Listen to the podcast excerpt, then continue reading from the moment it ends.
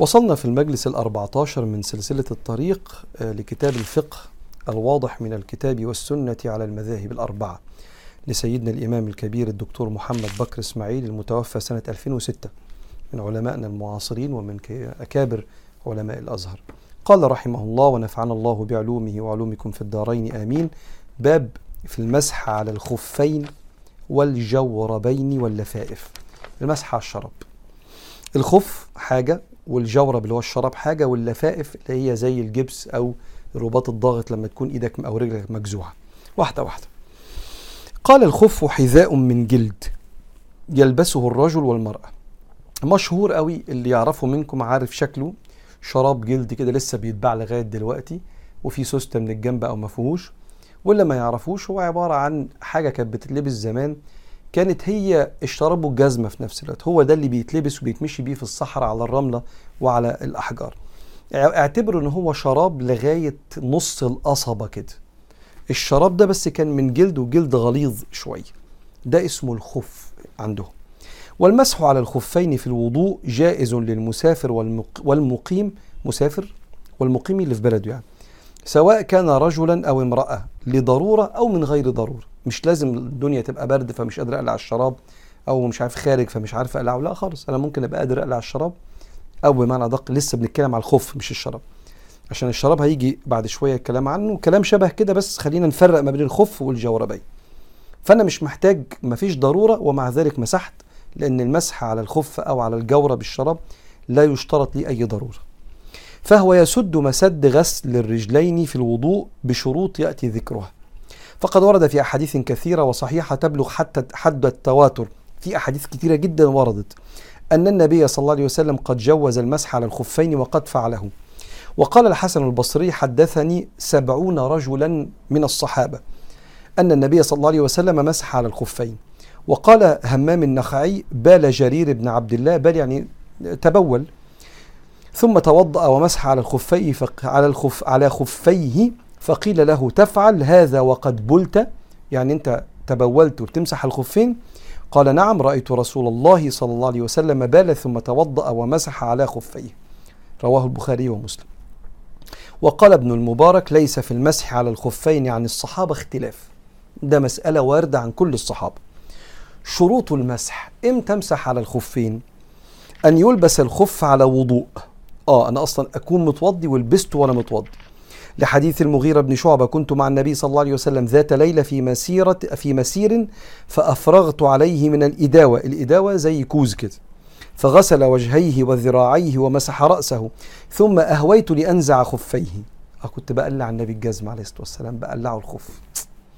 قال دعهما فإني أدخلتهما طاهرتين. فمسح عليهما. قال له سيبني أنا كنت متوضي ولبستهم على وضوء فأعرفوا من هنا إنك بتلبس الخف ده على وضوء.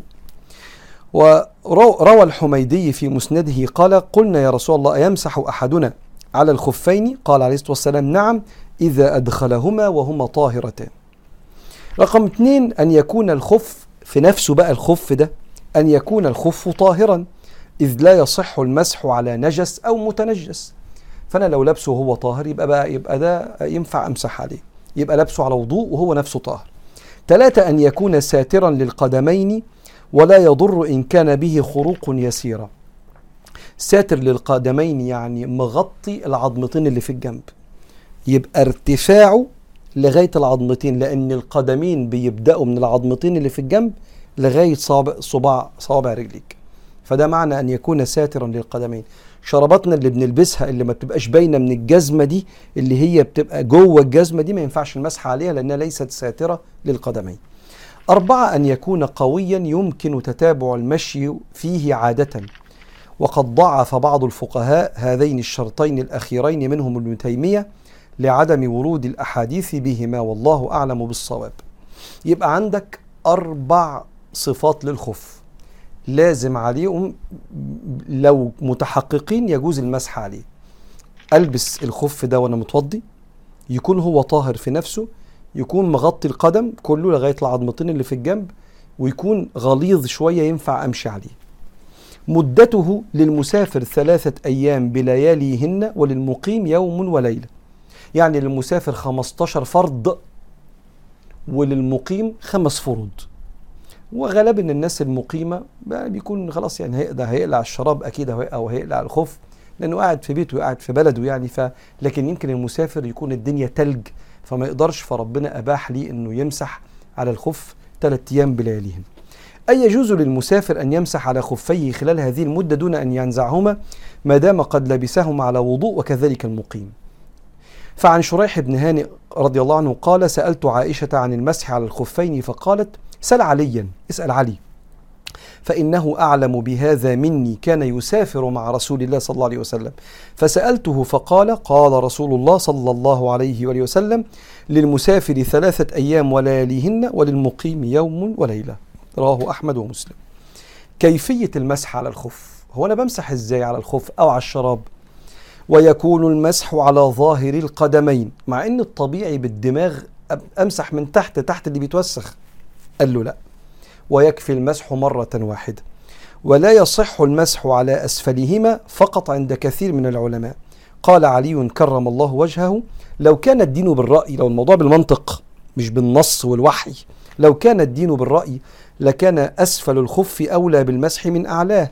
وقد رأيت رسول الله صلى الله عليه وسلم يمسح على ظاهر خفيه. وكانت المشايخ تقول لنا لما خلاص مسحت شعرك بالمية اللي متبقية كده تمسح على رجلك اليمين من أول صوابعك لغاية فوق كده بإيدك اليمين وعلى رجلك الشمال بصوابعك كده من أول صوابع رجلك بإيديك كده من أول صوابع رجلك لغاية فوق من على وش رجلك كده وكده. المسح على الجوربين الشراب غير الخف. اسمع بقى. وكما يجوز المسح على الخفين يجوز المسح على الجوربين بشرط أن يكونا الشرابين يعني ثخينين لا يظهران ما تحتهما. ما يبقاش شفاف فصوابع رجلك باينة ورجليك. ولا ينفذ منهما الماء. لو نزل تحت نقطة المية ما تحسش بيها في رجلك فيبقى الشراب تخين شوية. هذا عند الحنفية والشافعية وأحمد. لحديث المغيرة بن شعبة. توضأ النبي صلى الله عليه وسلم ومسح على الجوربين والنعلين. رواه أحمد والطحاوي. والجورب الذي نلبس نلبس والجوارب التي نلبسها في هذا العصر أكثرها رقيق ينفذ منها الماء. فإذا كانت رقيقة ينفذ إليها الماء أو كان يشعر لابسها ببلل تحت يده وهو يضعها لم يجز المسح عليها والله أعلم. والفتوى استقرت في دار الإفتاء المصرية وفي كثير من دور الإفتاء على جواز. المسح على الشراب. لكن أوصوا أن الشراب يكون تخين شوية بحيث وأنا بمسح بإيديا كده ببواقي المية أنا ما باخدش مية مخصوص. ولا ده أنا بس بمسح بالمية اللي متبقية من راسي كده. أو خدت مية من الحنفية ونفضتها فتبقى بواقي المية كده في إيديا. لما أمسح ما أحسش بالمية دي في رجلي. عشان يبقى فيه من الشراب ده أي صفة شبه الخف لأن المسح على الشراب متاخد من فكرة المسح على الخف وهكذا. المسح على اللفائف. بفكرك إن أنا أكون لابس الشراب ده على وضوء والشراب ده في نفسه يكون طاهر وبعدين آه الشراب ده يكون تخين شوية كده ما يكونش شراب فيليه كده مبين آه من تحته الصوابع عاملة إزاي والمسح عليه يبقى لو أنا مسافر ثلاث أيام ولو أنا مقيم يبقى يوم واحد 15 فرد أو خمس فروض بس. المسح على اللفائف جبس أو الرباط الضاغط وكما يجوز المسح على الجوربين يجوز المسح على كل ما يستر الرجلين. الرجلين بنتكلم على اللفائف اللي في الرجل كاللفائف ونحوها وهو ما يلف على الرجلين من البرد أو خف الحفاء أو خوف الحفاء. أنا آسف أو خايف أبقى حافي فالأرض سخنة قوي أو ساقعة قوي أو خوف الحفاء. أو لجروح بهما ونحو ذلك. يبقى اللفائف المقصودة هنا اللفائف اللي مربوطة على الرجل مش اللي متجبس بها الإيدين الكلام كله في المسح في مسح الرجلين. قال ابن تيمية والصواب أن يمسح على اللفائف فإنما تستعمل للحاجة في العادة وفي نزعها ضرر إما إصابة البرد أو التأذي بالحفاء أو التأذي بالجرح. فإذا جاء المسح على الخفين والجوربين فعلى اللفائف بطريقة أو بطريق الأولى والله أعلم. ثم نختم الكلام بمبطلات المسح. طب أنا اتوضيت ومسحت على الشراب إمتى بقى المسح ده يبطل؟ قال ما يبطل يبطل المسح بواحد من ثلاث. واحد ما يبطل الوضوء اتفاقا. النهارده أنا مسحت على الشراب فبقيت متوضي. بس أنا نقضت وضوئي آه أنا محتاج أتوضى تاني. ما يبطل به الوضوء اتفاقا لأن المسح على الخف جزء من الوضوء. فإنه يقوم مقام غسل الرجلين كما عرفت. فبطل المسح على الخفين لو نقضت الوضوء. خلاص.